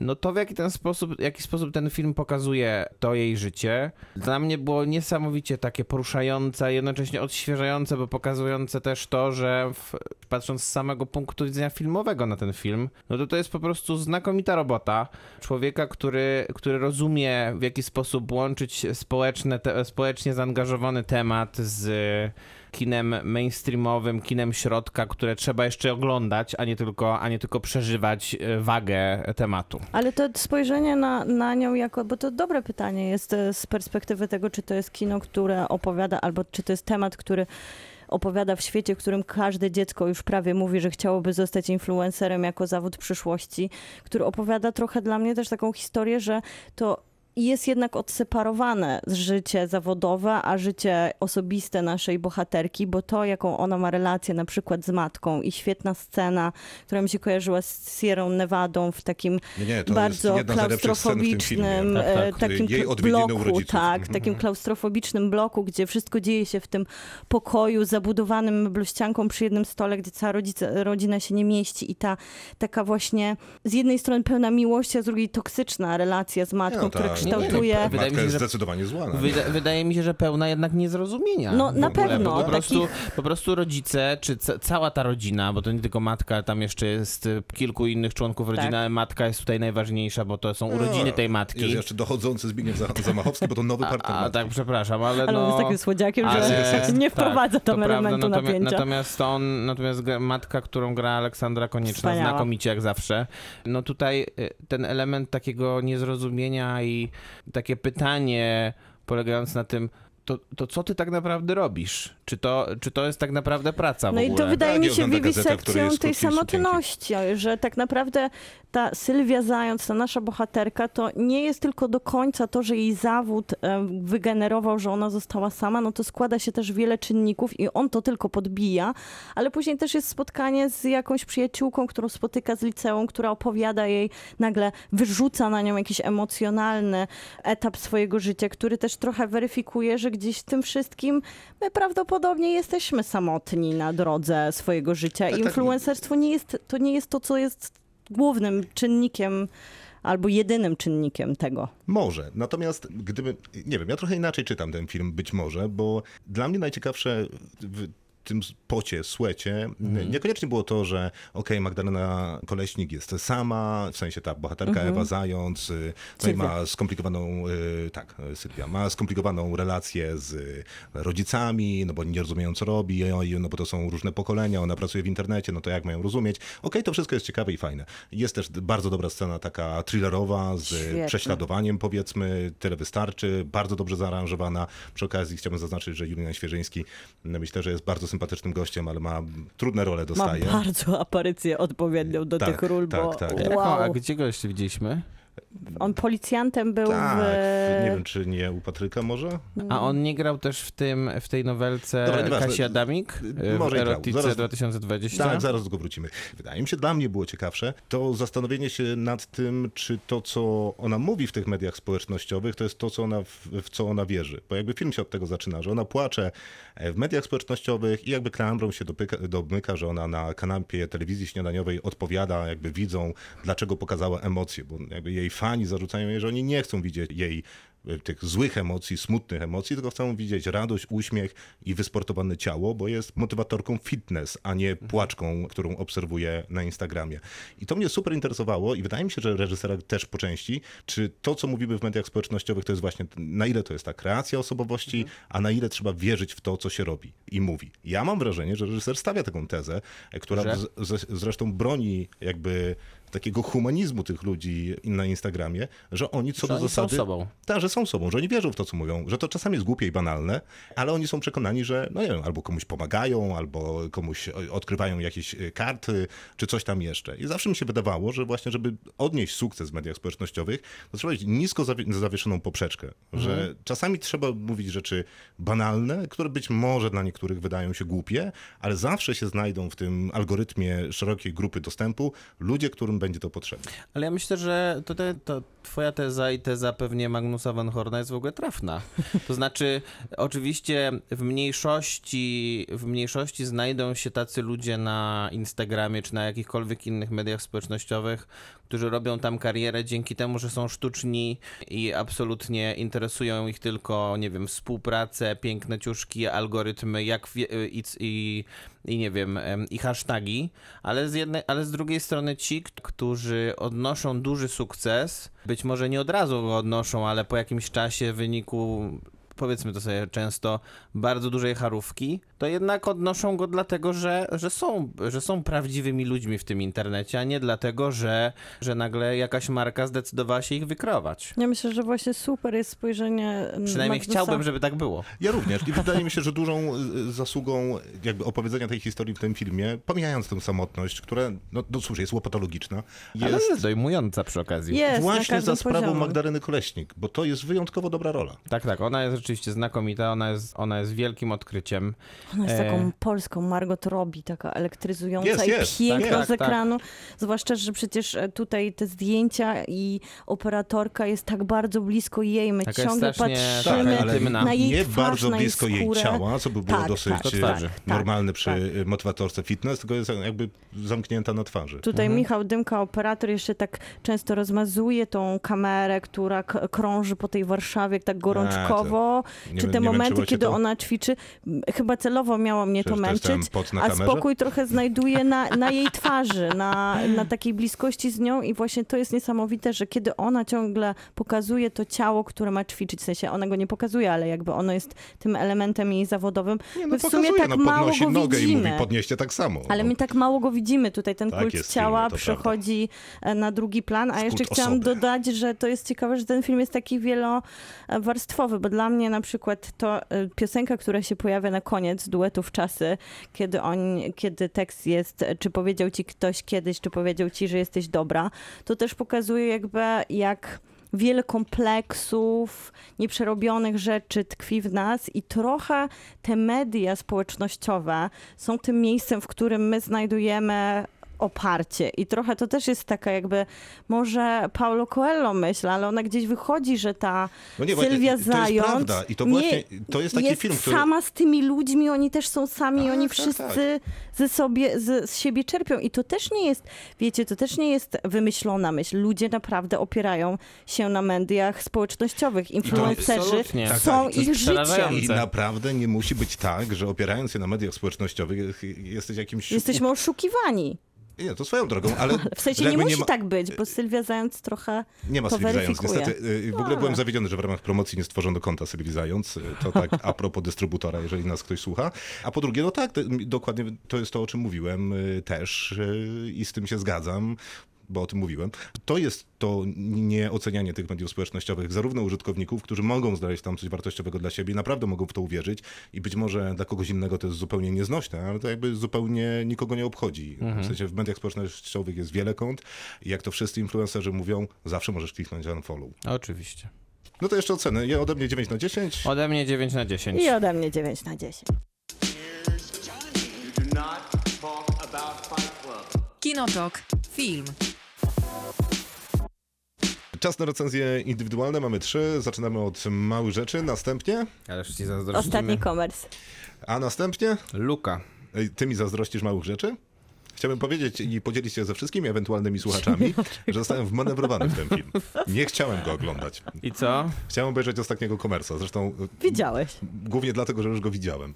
Ja No to dawaj, to dawaj, obejrzę. dlaczego? Faktycznie nie było dobrze. John Lee Hancock to jest e, człowiek, który reżyserował ten film, e, a jednocześnie był jego scenarzystą, więc trudno powiedzieć, że coś brawo. mu zostało zabrane z rąk. Miał swoją historię i szansę na opowiedzenie jej słusznie. To człowiek, który zrobił m.in. Mag Imperium i oczywiście można różnie mówić o Mag Imperium, ale no to jest porządny film. W sensie widać, że reżyser wie co robi, a przy okazji ma świetnego głównego aktora, czyli Michaela Keatona, który mu ten film trochę niesie. Myślę, że najlepszy jego film to jednak jest Saving Mr. Banks. To prawda, że być może jest najlepszy. No to okej, po prostu, kropka. To już ma dwa przykłady na to, że Tak. potrafi reżyserować i potrafi pisać, bo chyba Saving e, Mr. Też Banks pisał. pisał on. I tutaj nie można powiedzieć, żeby miał jakieś braki w obsadzie, bo ma Denzela Washingtona, ma Ramiego Maleka, który przecież jest e, laureatem Oscara. I Jareda Leto, Może nie który za też najlepszy film. i Jared Leto też jest laureatem Oscara, a Denzel Washington jest laureatem dwóch Oscarów. No więc Więc trudno, są aż cztery. trudno narzekać na obsadę, skoro ma się cztery Oscary. A film opowiada taką historię, w gruncie rzeczy to faktycznie opowiada taką historię, jak opowiada Seven. Czyli mamy detektywa, który jest doświadczony, który wszystkie triki zna, to jest oczywiście Denzel Seven Davida Finchera. Davida Oczywiście. Finchera. To tam ma, ma jest Morgan Freeman, a tutaj jest Denzel Washington. Tam mamy Brada Pitta jako tego nieopierzonego, aktywnego, A chcącego tutaj Ramiego rozwiązywać- Maleka, tak? a, Mhm. y, rozwiązywać sprawy, a tutaj mamy Ramiego Maleka. No i mamy tego e, socjopatycznego, fascynującego, takiego obślizgłego, lubiącego bawić się z policją w kotka i myszkę e, Kevina mordercę. Spacey'ego, który faktycznie jest predatorem. Tak, no więc y, nie wiemy nic takiego o Jaredzie Leto, ale on Kevina Spacey'ego w tym filmie gra. I naprawdę mam takie wrażenie, że Jared Leto w ramach Polubiłeś się z nim w końcu? Nie. Nie, okej. Mam wrażenie, że Jared Leto w ramach przygotowania do tej roli obejrzał sobie film Seven i stwierdził, że będzie grał jak Kevin Spacey. Historia jest dosyć prosta, bo faktycznie pojawia się morderstwo na samym e, początku tej historii. No i Denzel Washington, kłócąc się oczywiście i tam nie mogąc się dogadać z Ramim Malekiem, bo to jakieś różne instytucje, jeden jest policjantem, drugi nie wiadomo co, jeden nie awansuje, drugi awansuje jest cały problem w czas. Stanach. No coś tam, bla, bla, bla. No. FBI, wchodzimy. Zostawcie tą sprawę. To nie jest FBI, to jest tam jakaś inna jednostka, ale mówią to No, samo. nieważne. Więc jakby zasada zasada jest dokładnie ta sama. No więc szukają tego mordercy, zastanawiając się, gdzie też on może być. No więc łażą z jednego miejsca na drugie, rozmawiają z ludźmi i nagle jest morderca. Ja naprawdę nie wiem skąd ten e, Jared Leto się tam wziął. W sensie widziałem go, że gdzieś tam zagląda z zaplecza sklepu i widziałem, że gdzieś tam jest przesłuchiwany, ale jak oni doszli do tego, że to właśnie on, nie no naprawdę nie mam pojęcia. Oni są w trzech lokacjach, głównie gada Denzel Washington z Rami Malekiem o tym, że jeden lub drugi Dobra, ja wisi, zaraz, jeden lub drugi wisi komuś śniadanie, a później bu, jest y, A są jakieś wątki Jared Leto. rodzinne? jest wątek y, taki nierodzinny, ale jest wątek, no bo oczywiście ten stary, doświadczony... To y, musi mieć jakieś problemy. Oczywiście, on ma Jest byłym alkoholikiem, coś Po tam. rozwodzie, po zawale. k- katastrofalna przeszłość, sprawa go ma, mało nie zabiła, bo do, tak ciężko pracował przy sprawie sprzed lat, że Aha. też seryjnego mordercy, podejrzanie pod, y, y, podobnego seryjnego mordercy do tego, który jest teraz, który grasuje, tak bardzo ciężko pracował, że niemal go to zabiło. Zawał, rozumiesz? I, i. I tak- masz tak- rozrusznik teraz? Nie, nie ma, bo przeżył ten zawał, ale ta informacja pada tak późno w filmie, że się zastanawiam, po diabła mi ta informacja, jakby budowanie postaci już się skończyło. Natomiast Rami Malek, A co źle grają? natomiast Rami Malek nie ma postaci do grania i on, on gra w innym filmie. Jego nie ma na tym planie.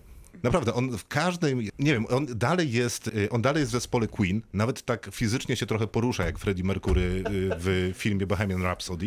I jeszcze w pierwszych scenach jakby trzyma tę rolę i przekonuje mnie jako taki z dobrego domu, dobrze wykształcony, przyszedł do policji po to, żeby zmienić wizerunek policji, nie karierowicz, taki właśnie, wiesz, odtąd dotąd, taki bardzo zasadniczy, y, który faktycznie ma serce po dobrej stronie, jest takim policjantem z werwą i sercem, no gdzieś tak 12 minut wytrzymuje y, w tej roli. Później zaczynają się historie z jego y, rodziną, coś tam, bla, bla, bla, rozsypuje się, w ogóle jest wyłączony, w ogóle grama emocji w nim nie ma. No i na koniec jest ten psychopatyczny, niewiarygodny, groźny, seryjny morderca, który, wiesz, y, policja dla niego to jest żart, to jest zabawa, to jest letnia igraszka, to jest quiz i sudoku do śniadania. Taki jest genialny, taki jest mądry i ma przetłuszczone włosy. Jest taki demoniczny. Jared? I on gra w taki sposób, jakby, jakby teraz. O, wydmuchasz sobie powietrze. Jeszcze bardziej. Już w ogóle nie mam. I on mówi. Wiesz, że ha, ha, ha, nic mi nie udowodnisz. Czyli naoglądał się Marlona Brando. Nie wiem, czego on się naogląda. Bo nie, on nie mówi tak. On mówi tak, jakby miał zaraz umrzeć. E, A, I to jest to jego, jego sposób. To nie jest fatalne ostatecznie. Tylko nie ma tam zupełnie nic innego. Ale zauważyłeś, że przypomnę tylko, ten, ta, ta rola była nominowana do Złotego Globu Tak, i, to, i do to, to, e, tak, to jest- Nagrody Gildii Aktorów. Mhm, I to jest najlepszy dowód, że y, nagrody nie powinny być nigdy przyznawane nikomu. E, e, bo to nie, nie nie jest to zła rola, ale naprawdę nie zasługuje na żadną nagrodę. A Jared Leto nie jest dobrym aktorem też. Nie, nie jest. Dobrze wygląda w tych przetłuszczonych włosach, ma te takie oczy nieco większe niż inni i przez to nie Schód, wiem. bo on jest schód. dobry w Chociaż ma taki brzuszek. No właśnie, więc bo tak on wygląda- potrafi zrobić Wygląda dziwacznie, ciałem, co nieprzyjemnie, psychopatycznie.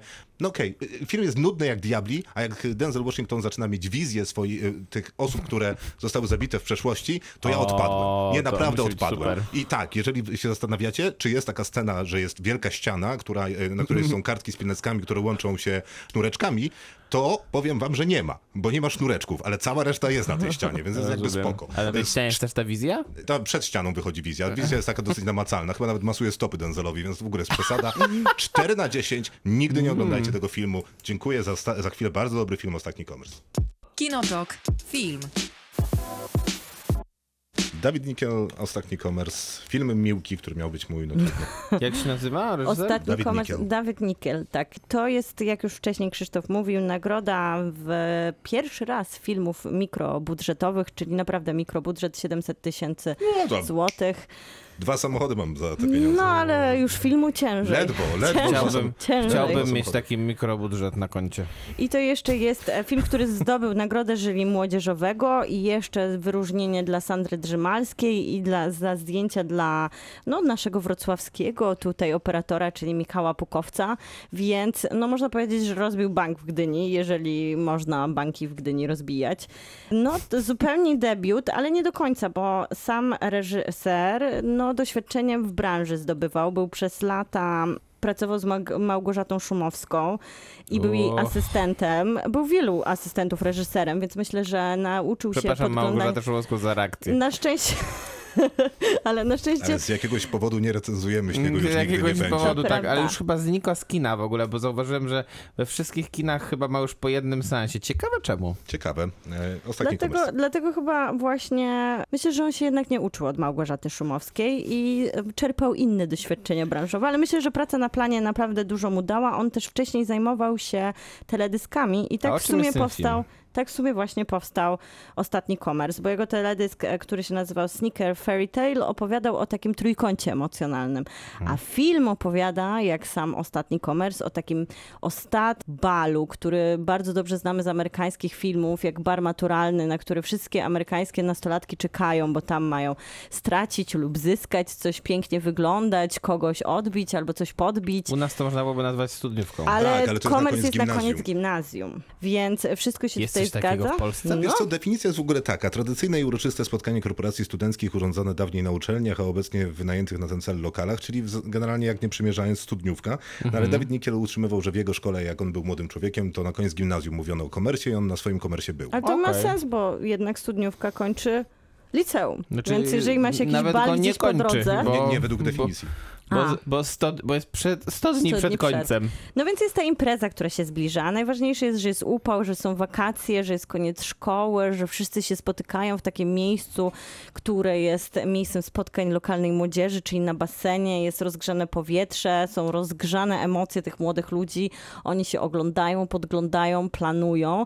No i mamy bohaterów różnych, trochę takie płaszczyzny, właśnie ten trójkąt emocjonalny, e, czyli rodzeństwo i jednego starszego kolegę, takiego, no nie ma co ukrywać tutaj, lokalnego bożyszcze dresa, który ma bardzo charakterystyczny styl, jest trochę starszy od nich, taki jest e, charakterystyczny bardzo.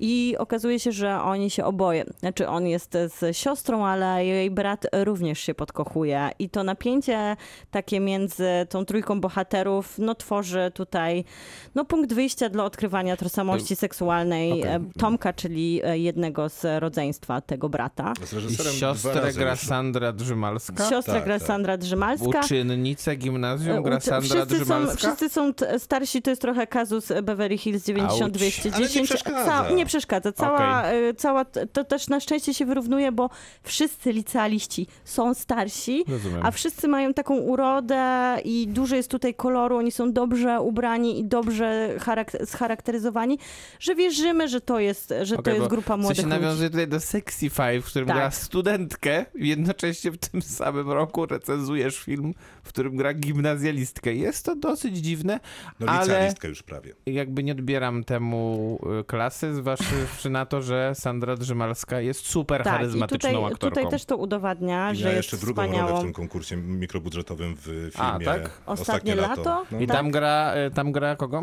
A Tam Jaki- też, jaki- też, uczennicę, też uczennicę gra, tak bardzo młodą dziewczynę gra. Tutaj jest jeden naturszczyk, który właśnie gra tego bohatera, który uwodzi obie strony. On tak naprawdę zagrał w tym teledysku, w którym też zagrała Sandra Drzymalska, tym początkiem takiej całej historii, którą Dawid rozwinął w swoim debiucie Co reżyserskim. dobre to? Bo on opowiada o swoich doświadczeniach. I on opowiada trochę, jak rozmawialiśmy, tak jak Krzysztof mówił tutaj przed chwilą, rozmawialiśmy dwa razy z Dawidem już. Tylko dodam, że byliśmy pierwszymi jego rozmówcami. Dziękuję, że to dodajesz, to bardzo ważne jest. Więc rozmawialiśmy z nim o jego filmie i przy drugiej rozmowie się śmialiśmy. Ja przypomniałam sobie Lenę Danam, która w serialu Girls, czyli dziewczyny, mówi, że ona jest głosem pokolenia, bo będzie teraz odkrywać jakby takie nieodkryte rzeczy o jej pokoleniu na ekranach. Trochę mi się wydaje, że Dawid jest głosem pokolenia, bo w polskim kinie jak adult brakowało. Po pierwsze jest to historia, która nie trywializuje nastolatków, od razu też nie wrzuca ich, chociaż oni mają swoje problemy. Tam jest ich jeszcze inne, są wątki, nie tylko tej trójki, które pokazują na takie problemy społeczne, ale blokowisko nie musi być od razu już takim ugorem, nie musi być w tych szarych kolorach. Problemy nie muszą być główną motywacją tych bohaterów. Oni mają swoje motywacje, ale dalej są nastolatkami i tutaj Dawid im oddaje naprawdę szacunek w tym. Pokazuje jakby świat ich pragnieniami, ich pożądaniem, ich takimi ciekawością życia.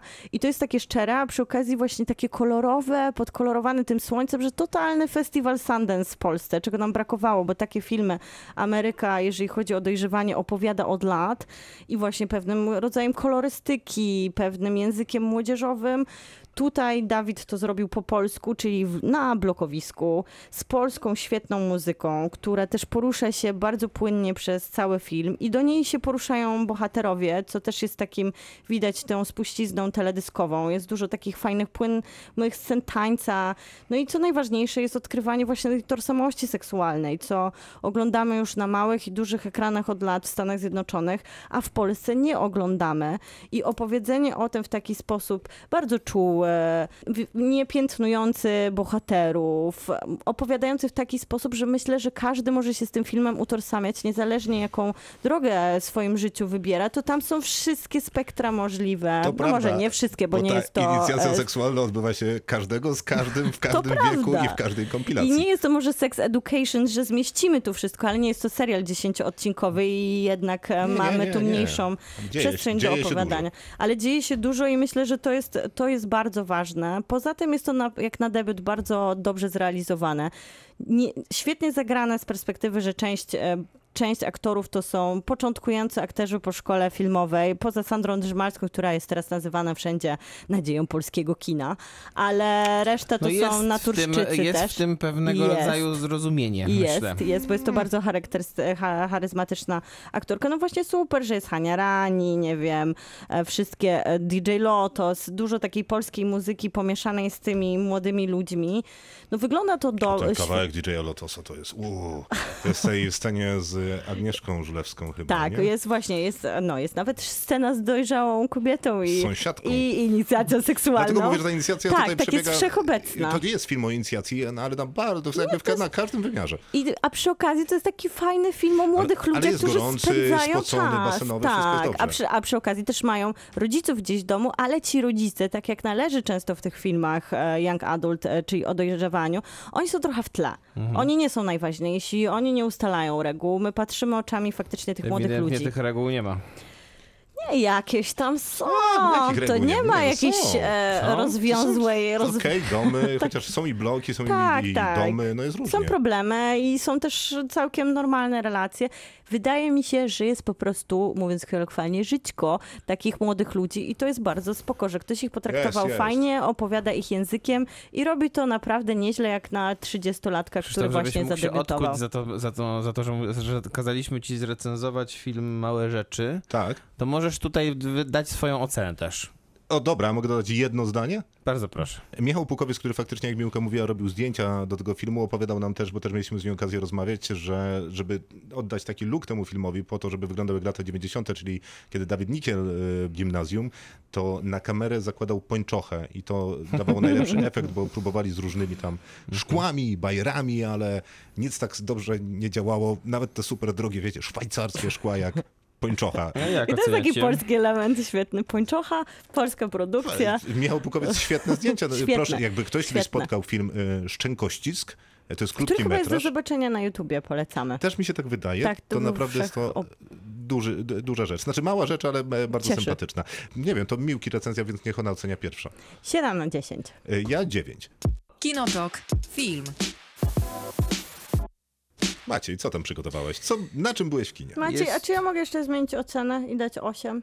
Możesz, ja ci Przekon- pozwalam. Dziękuję. Brawo. Mm, brawo. Ja byłem na filmie Luka. To jest pierwsza chyba w tym roku. Obstawiam, że będą ze dwie jeszcze.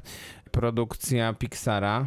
Trochę tak jak w zeszłym roku mieliśmy Onward, a później była ta, mm, na którą wszyscy czekali, czyli Soul. To Czyli ta tutaj jest, lepsza. to tutaj jest Luka, która jest chyba taką produ- produkcją trochę odpoczynkową Pixara, a potem pewnie dostaniemy jakieś uderzenie na koniec roku i już będziemy wiedzieli, kto kto dostanie Oscara. za najlepszą animację. A, Em, jem, a Luce by się nie dało Oscara? Myślę, że nie, dlatego że Luka ma e, problem z samą animacją. To znaczy, nie jest to najlepsza animacja z punktu widzenia tego, że nie wygląda wcale najlepiej. No Natomiast dobra, ale opowiada? opowiada generalnie historię chłopaka, który się nazywa właśnie Luka i który jest potworem morskim. Nie E, krakenem. nie krakenem. Jest po prostu takim potworem, który, nie wiem, przypomina trochę rybę z zębami. A, tryton. E, natomiast... tak się zabija go trójzębem. Czytałem Harry'ego Pottera. To wiem. I, e, no i e, jakby mm, sytuacja e, wygląda w ten sposób, że on poznaje takiego kolegę, pod wodą poznaje kolegę, który się nazywa Alberto. Alberto chyba. A jak wygląda Alberto? Alberto też jest potworem i jest rybą.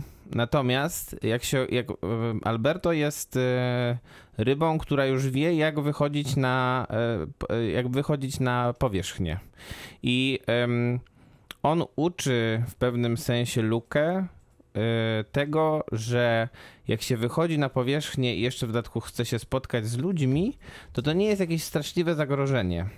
E, A dodatkowo e, mają wspólny cel, to znaczy chcą e, zarobić pieniądze, żeby, żeby móc kupić sobie wymarzony motocykl Vespa. Ale I product jeździć z nim placement. pod, wogą, pod wodą? Nie, na lądzie. Nie, nie, na lądzie oczywiście. Bo, pod Kupimy, wodą. kupimy ten No motor, a bo to później go utopimy. I, Czekaj, ale e, rozumiem, że cała i ta drogą- cywilizacja na dole mówi, że nigdy nie wychodźcie na górę, bo tam Nie. jest w ogóle zło i tragedia? Nie, nie. Cała cywilizacja na dole mówi, że wychodzenie na, na, na, na powierzchnię to są same niebezpieczeństwa, bo ludzie generalnie są rzeczywiście źli. A ludzie mówią na A lądzie, ludzie nie- że a w wodzie są A ludzie, potwory. a ludzie szukają potworów z, z wody i generalnie próbują je łapać i... A, czyli ludzie wiedzą, że te potwory istnieją. Tak, oczywiście, że wiedzą. No tak. tak, to naturalne. I, e, no i ci dwaj, ci dwaj wychodzą, poza, wychodzą na powierzchnię. Codzienność. I dochodzą i, em, i jakby em, pojawiają się w takim miasteczku, które jest przy, em, nad, nad, nad, tą, nad, tym, nad tym morzem. Morzem chyba, tak mi się wydaje. E, No i okazuje się, że oczywiście w momencie, kiedy wychodzą, mm, to jest taki czas, kiedy, e, kiedy miasteczko całe przygotowuje się do takiego lokalnego wyścigu, który można byłoby nazwać takim pseudo-triatlonem, bo polega to na tym, że najpierw trzeba przepłynąć trochę, potem trzeba zjeść e, miskę spaghetti, a potem trzeba przejechać e, rowerem najpierw e, bardzo mocno pod górkę, A ma się czas na a trawienie? potem, a potem zjechać, nie właśnie, mm, dokładnie nie, a potem zjechać w dół e, do portu i tam jest jakby meta całego konkursu E, i oni chcą ten konkurs wygrać ze względu na, to, na ten motocykl. Ci spod wody, bo nagrodą jest motocykl wody. właśnie. Dokładnie. Czy kasa na Pieniądze. motocykl. A potem, em, a w międzyczasie oczywiście poznają trochę przynajmniej życie mm, na powierzchni, poznają, e, poznają dziewczynę, która... No, no, no. e, I chluśniesz na nich wodą, to zamieniają się w rybę nawet na lądzie. Dokładnie tak. I co, dobre? No i to jest całkiem niezłe wciąż, no bo e, problem z Pixarem, problem nie problem, no jest taki, że nawet jak Pixar robi coś takiego, mm, co nie jest może do końca super udane, to wciąż jednak jest w pewnym sensie o jakieś tam, jak, jakieś lata świetlne przed innymi e, twórcami, szczególnie animacji amerykańskiej. Nie mówię tutaj o, a, nie mówię tutaj o tych Irlandczykach, na Cartoon przykład o The. Wolf Walkers, czy, mm, e, czy twórcach, nie wiem, e, e, ani, Cartoon Saloon. animacji europejskiej. No świetnie. Natomiast, natomiast no, e, no nie, ma, nie ma się z kim bić za bardzo Pixar, jeśli chodzi o No amerykańską dobra, no ale animację. czemu ten film jest taki dobry? Ten film nie jest taki dobry, ale ten film, e, Wow, żyje w jakiejś dychotomii. ten film ma dla mnie kilka zalet. Po pierwsze, on e, bardzo dużo czerpie z Me By Your Name. Poczekaj, bo jest na północy Włoch, y, inne Nie, nie, skojarzenia. Jest nie, tam, naprawdę. Poczekaj, powiedz, czy jest tam Timothée Chalamet? Nie, nie wiem, znaczy nie wiem, może, może, może w dubbingu amerykańskim jest, nie wiem, natomiast... Na e, pewno nie ma Armiego Hammera w tym dubbingu. Tak, na pewno nie. Nie, Hammer nie istnieje. Nie I nie istnieje. wymawiaj tego nazwiska, bo ktoś nas pozwie. Natomiast, e, no chociażby w pewnym sensie myślę, że sposób budowania tej relacji jest taki, między tymi dwoma chłopcami jest podobny. Oczywiście Romantyczno. Znaczy, nie, nie, ma, nie ma tam tak oczywiście wybrzmiewających wątków romantycznych, no bo to jest jednak animacja dla dzieci. E, I tu jest, i to jest, to jest rzeczywiście animacja bardziej dla dzieci niż, niż, te, niż te takie bardziej, te, lepsze produkty Pixara, tak? Które, które spokojnie mogą też oglądać dorośli i będą się równie dobrze bawili, tylko na różnych elementach zupełnie, tak? Tutaj to jest jednak film bardziej dla dzieci, A nie jest to jego siłą, że nie Myślę, stara że się... jest całkiem dużą siłą, dlatego że on jest mimo wszystko bardzo szczery w tym, że jest to, że jest dla dzieci. E, I jest bardzo szczery ogólnie, bo, e, bo ta historia jest e, bardzo miła, taka powiedziałbym, dosyć wzruszająca. No pani, która siedziała koło mnie, po prostu ryczała przez cały film. I to było naprawdę, to było dla mnie z kolei wzruszające bardzo. Do roboty. A poza tym, e, no i teraz zaspoileruję jak zwykle ja to robię. Może nie rób. Nie, spróbuj się zmienić. Nie, a to Nie jest rób. bardzo ważne, dlatego że Ja muszę... wiem, to tym bardziej nie mów. Dobrze, no to... E... No to po prostu ja zarekomenduję ten film. Nie jest to jakaś rewelacja, natomiast to jest takie Czekaj, ale 7 na mówiłeś, 10. Mówiłeś o tej animacji, że coś jest z nią nie bardzo. No bo ona nie jest za ładna. Wiesz, to jest W dziwne, sensie- to jest Disney jednak. Tak, natomiast no, i, i, wydaje mi się, że design postaci jest jakiś problematyczny, szczególnie mm, postaci tych potworów morskich, bo jak oni wychodzą na powierzchnię, to, mm, to te postaci rzeczywiście są kolorowe, fajne i widać, i widać charakterystykę od razu. Natomiast te potwory morskie są po prostu dosyć obleśne. Okej, okay, 7 na 10. 7 na tak? Nie 10, tak? spodziewałam się. 7 na 10. E, myślę, że jest to zupełnie przyjemna rozrywka. Natomiast jak na Pixara, nie aż taka dobra. No Okej. To wszystko na dzisiaj. W Kinotoku kończymy obleśnymi potworami. Przypominamy, że na Spotify można nas y, followować, subskrybować. Będziemy bardzo wdzięczni, bardzo uprzejmie dziękujemy za wszystkie osoby, które już to zrobiły. I to wszystko na dzisiaj. Krzysztof Majewski. Może jeszcze ktoś wasz znajomy nie zaprosił, więc więc zapraszajcie znajomych. Kończ, Maciej. tak. Dobranoc, Maciej Stasierski, dobranoc jeszcze raz. Kinotok. Tuż przed wyjściem do kina.